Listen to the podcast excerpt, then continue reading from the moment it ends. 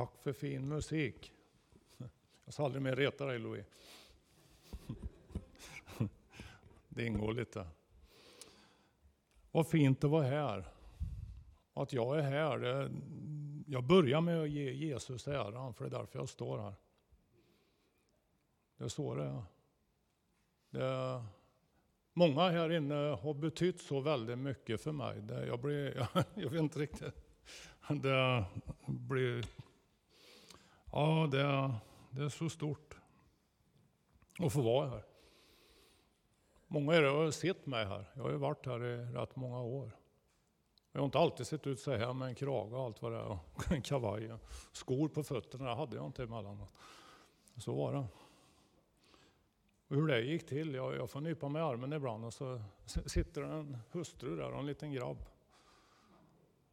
Ja. Och relationer återupprättade. Jag har en dotter, hon är 23 nu Maja. Hon var med här ibland också.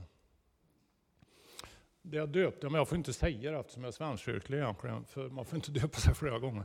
Men, men det var innan. Så var det, innan jag fick kragen. Men det, det spelar ingen roll, för, för jag, jag, jag, jag är den jag är och jag får med för den jag är. Så är det.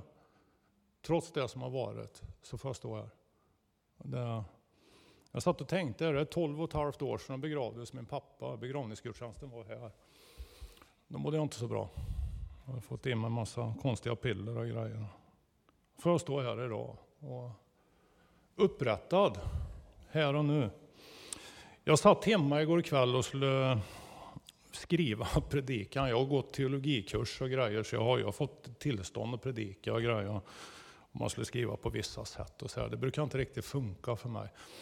Och det sa, vi har en stiftteolog i Skara som heter Ulrika Fritzson. Hon är fängelsepräst och stiftteolog och jobbar nere i Malmö. Jag hamnade i Malmö för rätt många år sedan och lärde känna henne.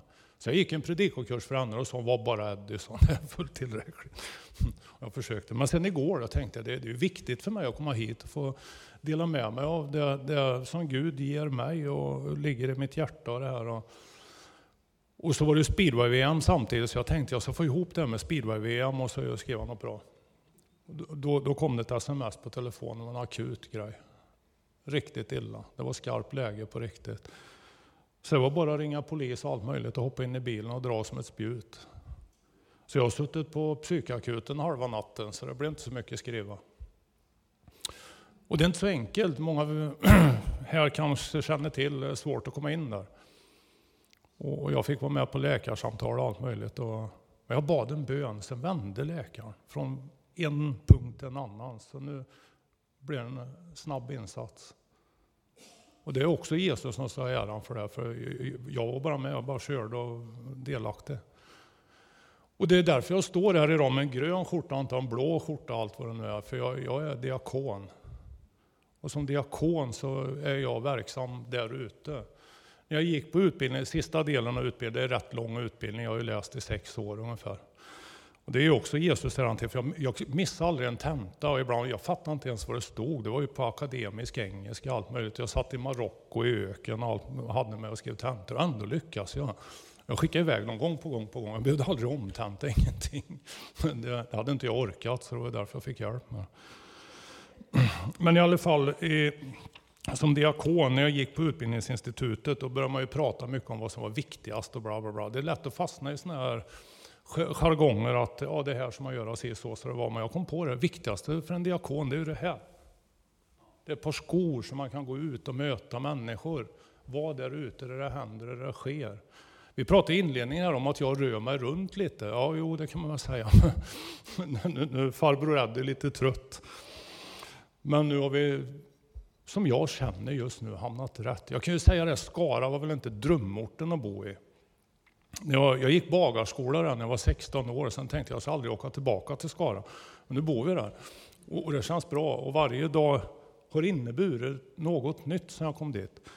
Det sa faktiskt vår gamla nobelpristagare i medicin, Arvid Carlsson. Han sa så här att ingen, nej vad sa han? Jo, så här sa han. Ingenting är så bra för hälsan som att känna att livet är meningsfullt och varje dag innebär något nytt.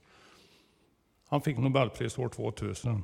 Jag refererar en del till honom i min C-uppsats jag skrev på högskolan en gång i tiden här också. Och även till Hans Rosling och allt möjligt. Men hur, hur, hur, hur gick allt det här till då? Jo, det börjar ju någonstans. Jag har alltid haft en barnatro. Det har funnits i mitt hjärta en tro.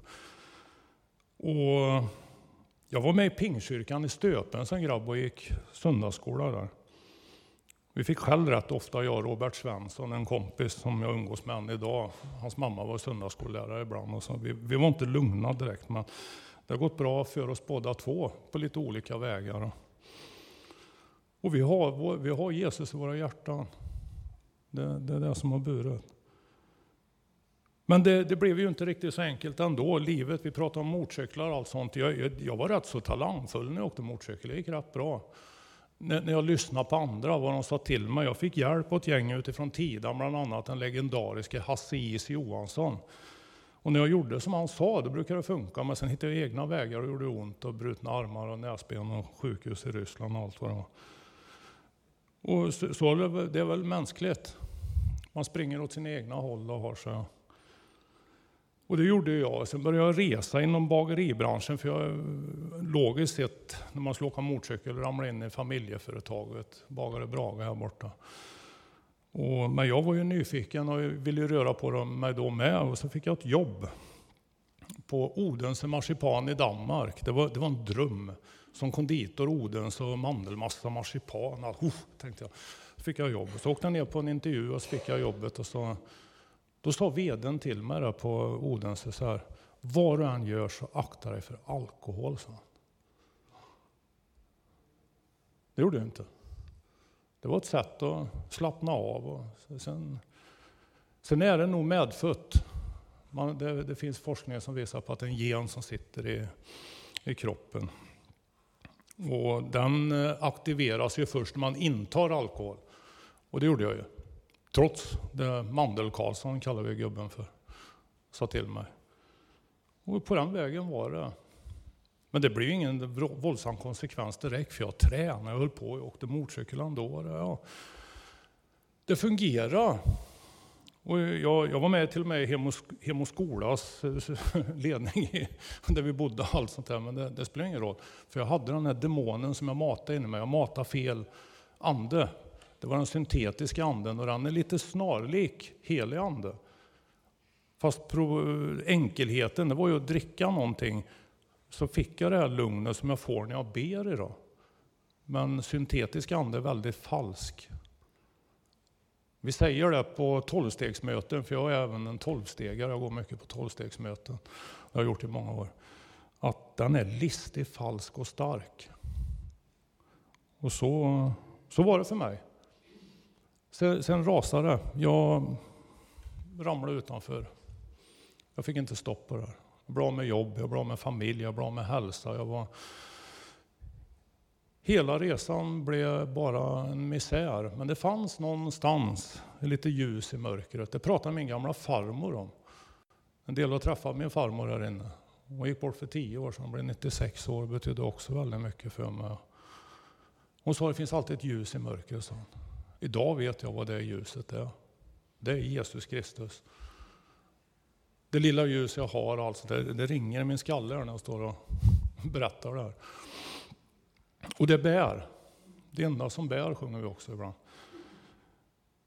Men när jag ramlade där och jag, jag, hade min tro. Jag gick, jag var här inne på LP mycket. Jag bodde till och med i den här lekstugan där emellanåt. Det, det, det var inte så bra. Men det var alltid något. Men människor såg mig, ni fick tag i mig. Carola, Louis, Janne och Barbro och många av er. Va? Och ni gav, ja, ibland gav ni väl upp emellanåt, men, men någonstans gjorde ni inte det. Jag kommer ihåg att jag satt hemma hos Carola, vi bad ibland, jag ville inte be. Hon, hon, hon forcerade mig att be. Idag brukar jag säga att vi har Carola-bön hemma, för det har betytt så mycket, och det gör vi. Det är väldigt fint, tack för det. Jag, jag behövde lite hårdare skolning än vissa andra. Men när det vände för mig då, för jag trodde ju på Jesus. Jag, jag trodde på Jesus, jag trodde på Gud, jag trodde på det här, jag kände det här, det, det är hemma, men det var ändå någonting som, som bromsade mig. Det, det var något som inte fungerade riktigt. För jag ramlade gång på gång på gång på gång. Jag gick på tolvstegsmöten, jag åkte på behandlingar, de skjutsade iväg mig, de körde med polisbilar och det var ambulanser, det var akuter och det var förgiftningar, jag vet inte vad. Och jag rymde, jag var i Thailand, jag var i Burma, jag var... Jag, var, åh. jag kommer ihåg när jag låg i Burma i djungeln där och visste inte vad, vem jag var ens, men någonting var med mig det ljuset i mörkret. Tio år sedan, i juni, då stannade mitt hjärta i Köpenhamn. Pang! Jag hade fått i mig massa grejer som man inte skulle ha i sig. Så vaknade jag på Rikshospitalet. Då ramlade det ner någonting. Det vet ju Louis vad jag kommer säga nu. Eller hur? Lukas 6.46. Det handlar inte bara om att tro på Jesus. Det handlar om också att följa efter Jesus och lyssna på vad han säger. Det står så här. Det är huset på berggrunden och huset på marken. För det var precis där det var. Jag byggde bara i sand hela tiden. Varför säger ni Herre, Herre när ni kallar på mig om ni ändå inte gör som jag säger? Då fattade jag, jag hade gått på A-möten i 13 år med varierande resultat, ibland blev det bättre, varit på behandlingar, varit överallt och ingenstans. Det var så det ramlade ner bara i, i min känsla, i mitt hjärta. De brukar prata om den här berömda halvmetern från skallen ner i hjärtat. Jag hade teoretiskt kunnande, kunde jag väldigt mycket om när jag hade läst varenda bok. Det var ju, det var ju mycket för att rättfärdiga det jag förstörde, för att kunna ljuga mig fram, manipulera. Jag var lite manipulativ, det är en del som vet om det. Lite, eh, nej, jag var enormt manipulativ, det ingår. Det är så det ser ut. Sen den dagen har jag blivit befriad. Och då börjar jag följa Jesus Kristus på mitt bästa sätt. Och det bär. Det är det enda som bär. Sen behöver jag ta hjälp och prata med människor och jag behöver gå på mina möten och det gör jag. Idag får jag ge det vidare till andra, det jag själv har fått. Det tolfte steget i tolvstegsmodellen.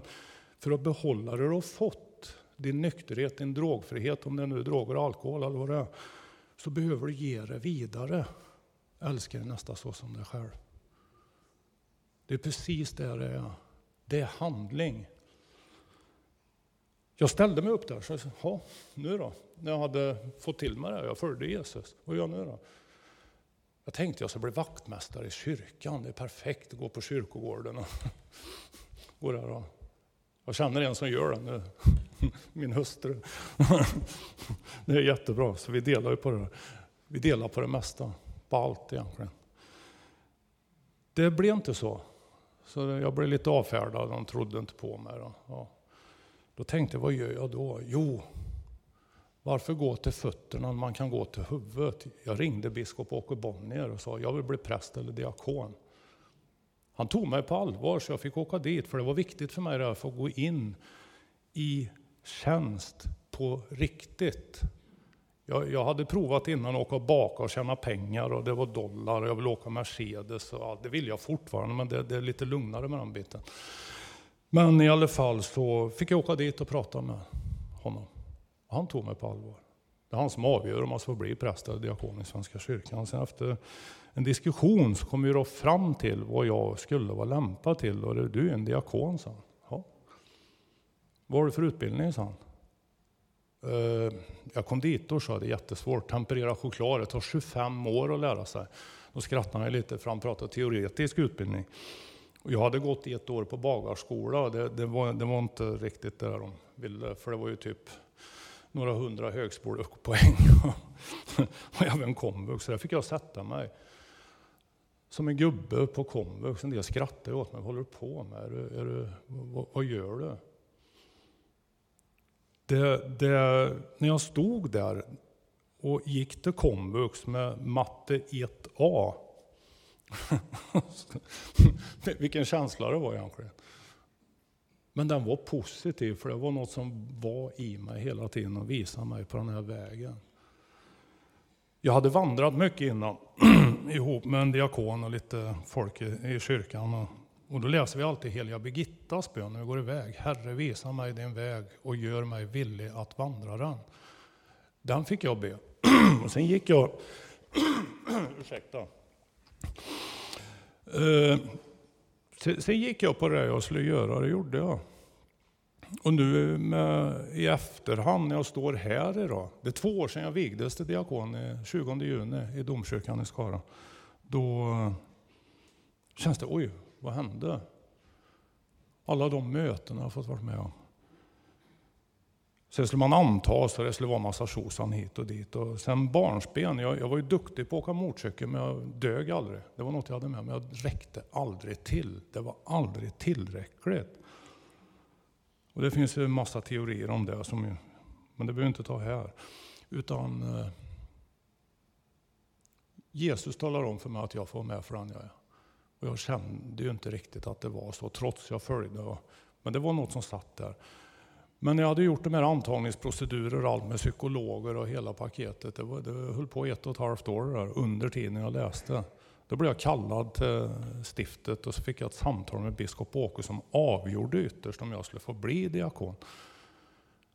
Jag kommer ihåg när jag gick in där i rummet och sa, du är antagen, sa han, han stod och gick så här. Det var ju viktigt för mig. Där.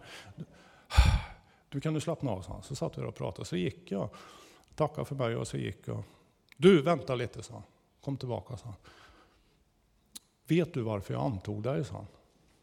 Då for du lite sån här, ja det är för jag har, tack, tack.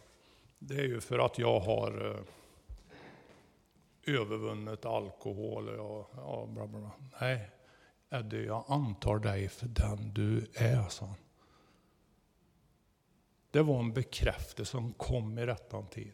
Det är många av er människor här, och många nära och kära, har sagt till mig så många gånger, men då fattade jag det. Då var tiden mogen. Det är... Är inte det stort, eller? Får jag stå och dela det här med er? Trots att jag fick sitta på sjukhuset halva natten så kommer orden. Det är det det handlar om. Det är att följa, leva med Anden. Lita på Herren. Lyssna på Jesus. Lev med Anden. Det gjorde faktiskt biskop Åke, några pin som han delade ut lite överallt som står lita, lyssna, leva. Han går runt med. Jag ger Jesus äran. Det, det är det det handlar om. Och sen är det människor som jag har så mycket att tacka för. Hur kan jag återgälda det här? Jag frågade Carola en gång. Hur ska jag kunna återgälda all den här hjälpen? Ja, genom att hjälpa. Och jag försöker efter min bästa förmåga. Jag kommer till korta många gånger, det är klart. Jag tvivlar, ibland vill jag åka Mercedes. Då. Det ville jag en gång under utbildningen. Då begärde jag ett samtal på stiftet med just biskopen. Och så gick jag in och sa, nu, nu är jag trött på det här. Jag vill inte vara student i den här åldern. Jag vill tjäna pengar, jag vill åka Mercedes. Då tittade han på mig och sa, så här, ja det vill jag med, men det gör jag inte, sa han. Nähä. Och han har ju råd att åka Mercedes, men det gör han inte. Hej, så är det. Sen blev det en liten vindlande väg här och det har varit ett sökande. De ringde till mig från Skara för ett och ett halvt år sedan och frågade om jag ville ha en tjänst där. Den jag har nu. Hej, sa jag. För jag skulle bo vid havet med havsutsikt. med helt främmande miljö. Jag kände ju egentligen ingen alls där nere. Och det blev inte riktigt det jag tänkte mig, men det som blev bekräftat på den här havsresan, det var att jag är väldigt ekumenisk, för jag fann mina rötter i många andra församlingar än där jag skulle vara själv. Och det var så tydligt tecken. Och nu hamnar jag i en miljö där jag får jobba med utsatta människor dagligen. Vi är 150-170 unika gäster som kommer till Diakonihuset Planeten. De kommer inte alla samtidigt, det är tur det, för det skulle ni aldrig orka. Men nu i sommar har vi öppet varje dag. Det har varit 50-60 personer varje dag. Vi åker på utflykter. Vi, vi börjar med bön. Det är en som har tjatat på mig väldigt mycket om att börja med bön. Till slut fattade jag det också. Det börjar med bönen vid frukostbordet. Sök först hans rike och hans rättfärdighet så ska ni få allt det andra också. Det brukar jag säga mycket för. Jag trodde inte riktigt på det. Så nu har jag fått så mycket så... Eh, jag fattar inte riktigt. Men jag är bara, jag är, jag är bara lilla Eddie. Jag, jag, jag, kan, eh, när de kastar in mig i saker, jag, har ingen aning. Ungefär som här nu. Jag, jag, hur gör jag? Jag är lite trött och lite sliten efter natten som var och hela det här. Men det går alltså, så länge jag följer Jesus Kristus i ord och handling. Jag behöver tala tydligt om det. Varje dag på planeten börjar vi med bön på morgonen. Och då orkar jag, för det är inget enkelt arbete. Det är inte det. Och det här vill vi göra mer av. Hur ska det gå till? Jag har ingen aning, men det börjar med bön. Och jag brukar se mig själv inte att jag, jag förmår inte så mycket. Jag är, jag är som en stekspade. Och ber jag till Gud så rycker Gud i rätt ställen. Och igår var en sån grej. Det som, och i natt. Det var, dit ska du nu. Och sånt hände även om jag sa att ön gungar där ute. Det hände mycket grejer med möten med människor som finns kvar. Och tiden var mogen att gå vidare och det, den var inte mogen att åka dit då. Men, men Herrens vägar är outgrundliga, det vet vi. Och här står jag idag och får delgöra Jag, hade, jag, jag har skrivit en del här, men jag, jag har inte sagt något av det.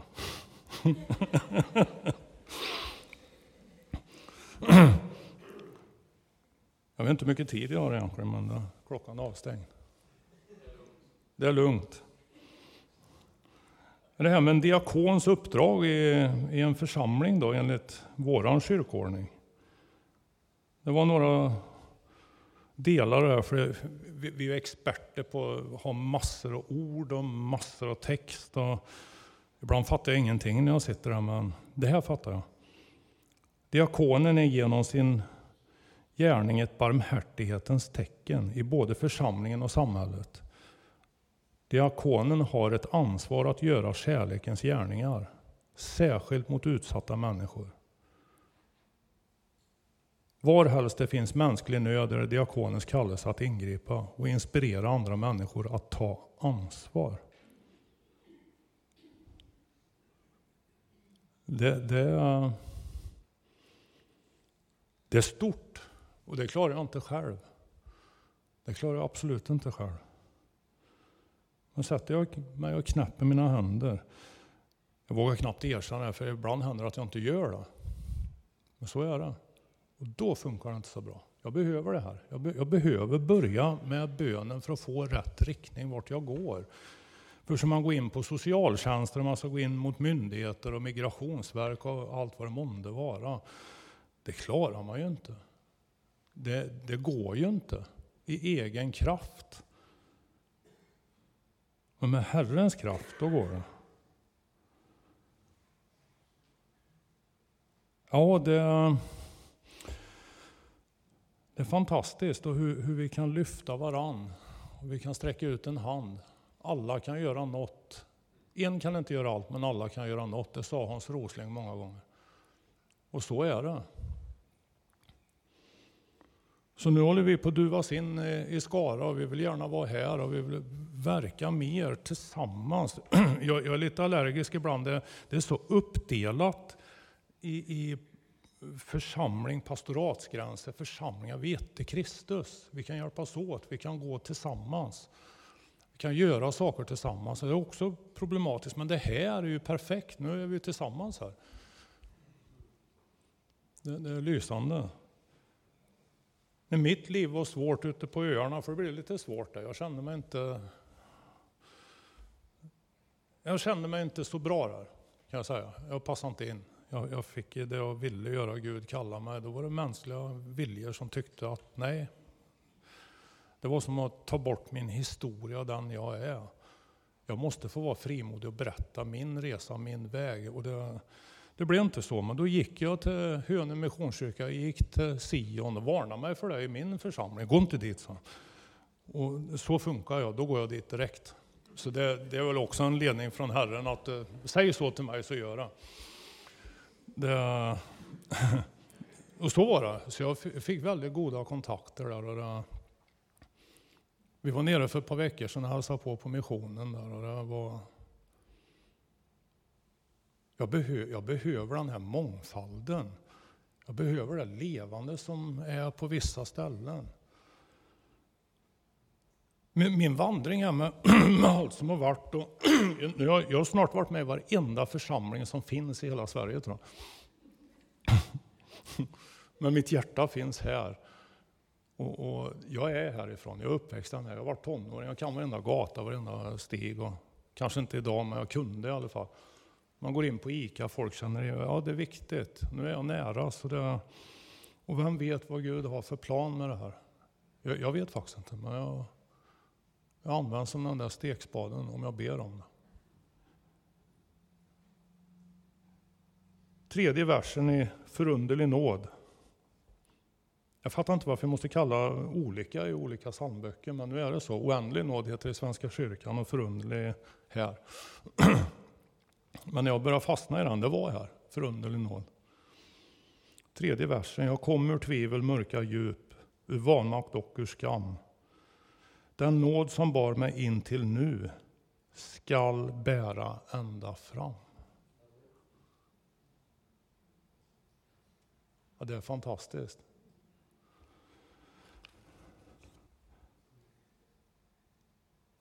Jag fick till mig att vara, på, eh, var med på en högmässa häromdagen, eller för en, en söndag. Här.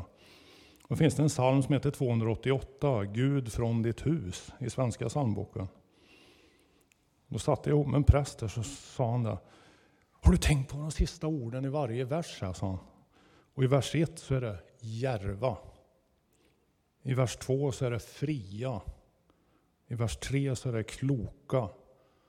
Och i vers 4 är det glada. Järva, fria, kloka och glada. Och, och leva med Jesus. Jag är, jag är inte glad jämt, men jag är mycket gladare än vad någonsin har varit. Sen kan jag vara surgubbe för när jag tappar kontrollen, men det, det är så tydliga tecken. Du måste, jag, jag, måste, jag vill, jag ska. Det, det sitter i mig. Följ Jesus Kristus så kommer det bli bra. Både i sorg och glädje. Jag vill avsluta med att ge Jesus äran och tacka alla och tack för att jag fick stå här och delge här. Amen.